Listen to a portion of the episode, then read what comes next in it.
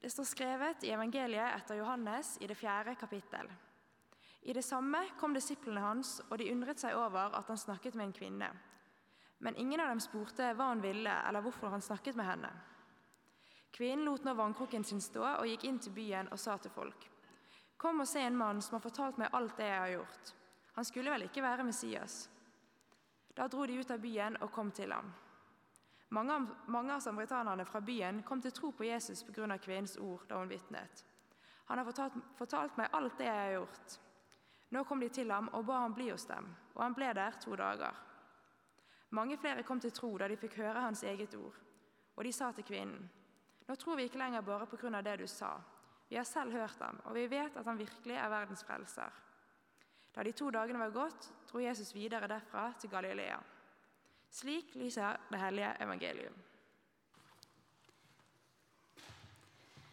Tro det eller ei, så er det faktisk mer enn syv år siden Norges kanskje mest kjente TV-serie rullet over skjermen for første gang. Vi kan jo ta en stikkprøve. Hvor mange her inne har sett TV-serien Skam opp med hånden? Nettopp. Nå vet jeg ikke om Skam nådde hele veien til Turku i Finland, men eh, den er verdt å Ja, fantastisk. Veldig bra. Midt i glansperioden til Skam-serien så var jeg på et foredrag med serieskaperen Julie Ande. Og så skal jeg sånn bli spurt om hvorfor serien hadde fått akkurat det navnet Skam. Og det hun sa, det overrasket meg eh, litt. For det var egentlig ikke en veldig dyptliggende grunn til navnevalget. Det var litt tilfeldig sånn egentlig. Og hun avslørte at det var egentlig fordi det hørtes litt sånn kult og mystisk ut. Skam, liksom. Hva handler det om? Og så husker jeg at jeg, jeg ble litt skuffet. For jeg trodde at det var et veldig bevisst valg av å kalle serien for Skam. For at det var en slags kritikk av det moderne samfunnet om hva skam kan gjøre med folk. For serien i seg selv den er jo gjennomsyret av skam. Ungdommer som kjenner på å ikke føle seg god nok, som f.eks. Eva i første sesong. Eller Nora som skjuler seg bak en fasade i andre sesong. Isak som sliter med å akseptere legningen sin i tredje sesong. Og Sana som i siste sesong dras mellom to kulturer og aldri helt blir akseptert. Og dette har fått meg til å tenke på om skamfølelsen den så, at den er så dyptliggende og sammenvevd i oss at det er ikke så lett å få øye på den og hente den ut sånn isolert sett.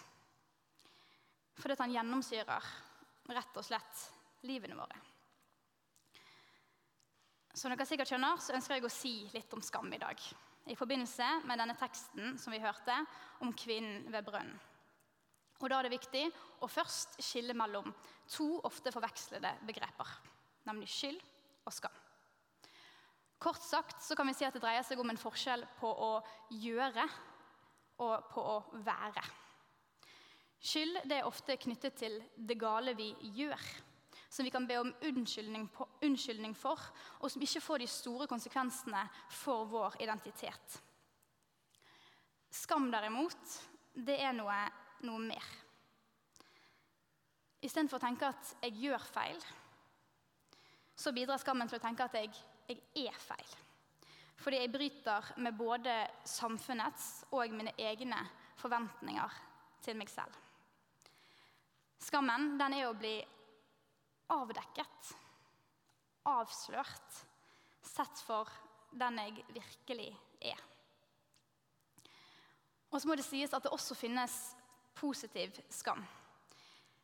Skam er med på å regulere og motivere oss til å handle etisk og utvikle oss til å bli bedre mennesker.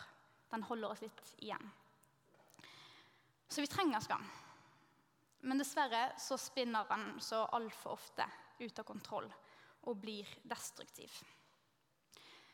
Og det som gjør skamfølelsen så sterk, det er det at han oppstår under andres blikk.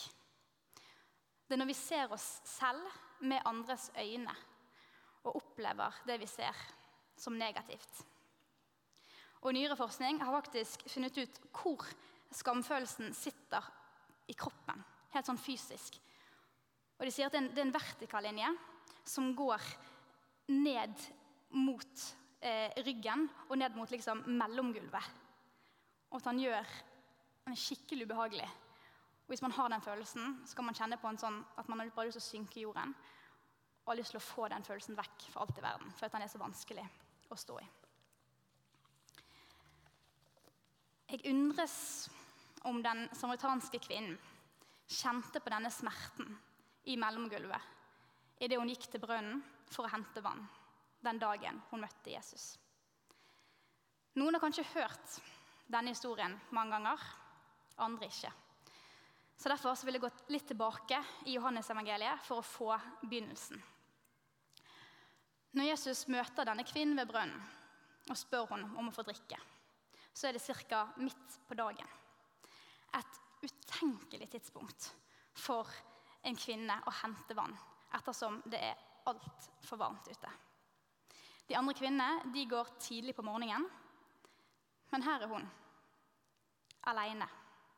Sannsynligvis for å ikke møte på de andre kvinnene, fordi hun vet at hun bryter med samfunnets og helt sikkert sine egne forventninger til seg selv. Og I denne samtalen Jesus og kvinnen har, så får vi vite at hennes livsførsel ikke er helt etter boken.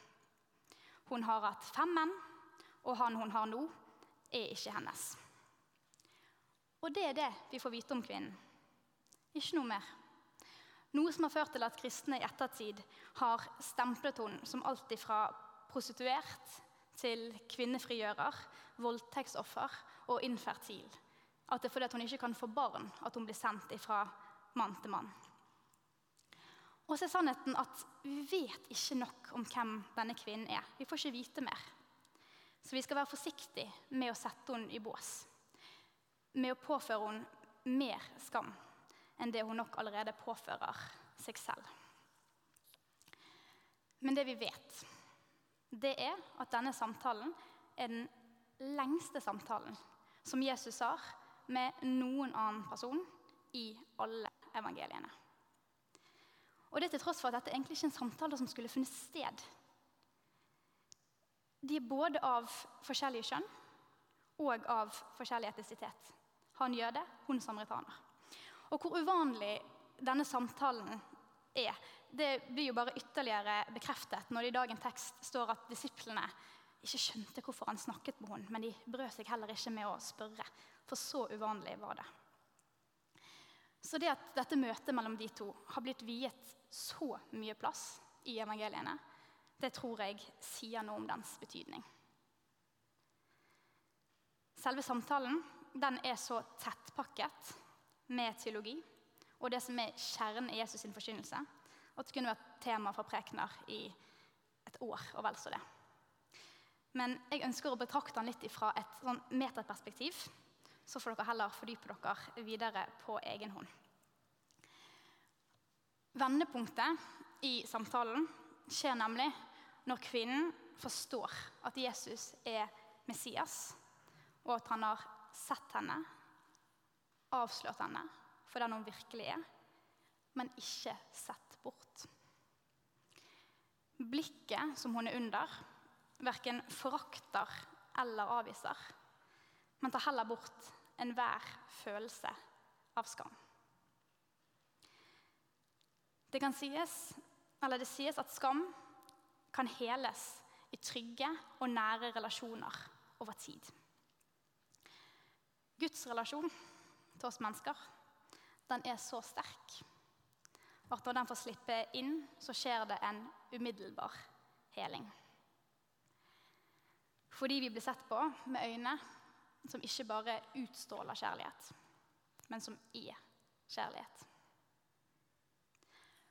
Forrige søndag snakket Øyvind Rudolf om frihet. At frihet innenfor grenser ofte er en god ting. Like viktig som frihet til, så tror jeg at det er frihet ifra. Livet til den samaritanske kvinnen ble totalt forandret i møte med Jesus. Hun er ikke lenger slave av denne skammen hun har båret på så lenge. Hun er frigjort fra skam og fra synd. For synd er å ikke leve opp til dine egne eller Guds ønsker for deg. Å bomme på målet, som vi ofte sier. Og Det har lenge blitt snakket mye om synd i kirken. Og nå er det mange som mener at det snakkes for lite om. Men når det snakkes for mye om, og gjerne på en uklok måte, så har det bidratt til å holde mennesker vekke fra kirken og fra Gud. For hvem ønsker å bli fordømt for sine valg og sin livsførsel? Ikke jeg. Men hvis vi tør å spørre oss selv og være ærlige på hvem det er som skades av våre dårlige valg Mest sannsynlig så er det både oss selv og de rundt oss. Jesus kom ikke for å dømme og ødelegge oss ytterligere, men for å ødelegge det som er i ferd med å ødelegge oss. Det vi bærer i et mørke inni oss, der skammen får næring. Og så var det ikke nok med at kvinnen ved brønnen ble satt fri fra skammen. Hun fikk også i oppdrag å være det aller første vitnesbyrdet.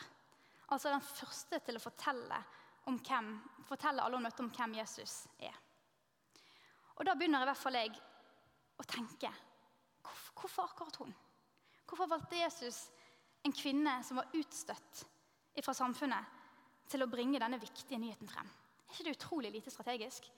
Hvorfor ikke heller, heller velge en høyt aktet mann som alle hørte på når snakket? Jeg vet ikke. Men vi får jo vite at mange kommer til tro pga. vitnesbyrdet hennes. Så det må jo være et eller annet i den utstrålingen som hun eh, kommer med når hun forteller om hva som har skjedd, som gjør at de kommer til tro. En utstråling som bare det å bli sett, avslørt og elsket av Han som holder himmel og jord i sine hender, kan fremkalle. For evangeliet, det er det som løfter mennesker opp, så de kan stå rakrygget og stolt. Dersom det ikke gjør det, dersom Jesus sine ord blir brukt å, som redskap for å holde folk nede, så er det ikke evangeliet. Helt til sist så vil jeg bare si noe om dette med å tro. Eventuelt ikke klare å tro pga. andres vitnesbyrd eller forkynnelse om hvem Gud er.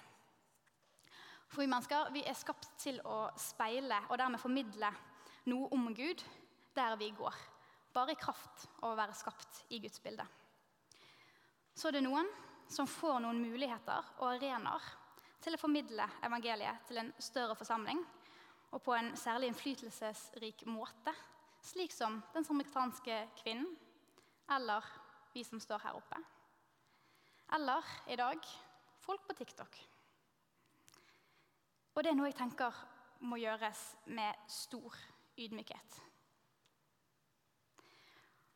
Og ønsker man en tro som holder vann i møte med livet, noe som er krevende, så må man i likhet med samaritanerne i byen som kvinnen kommer fra, ta steget videre ifra andres vitnesbyrd og utforske hvem Gud er for sin egen del. Vi kan dessverre ikke invitere Jesus hjem på middag, slik som de kunne. Hvor mye enklere hadde ikke det vært? Men han har vist oss at hvis vi ber ham bli hos oss, så er han der. I to dager eller så lenge som vi trenger. Nå skal vi synge en sang som eh, jeg tenker er skrevet for denne teksten om den samaritanske kvinnen. Sett, avslørt og elsket. Amen.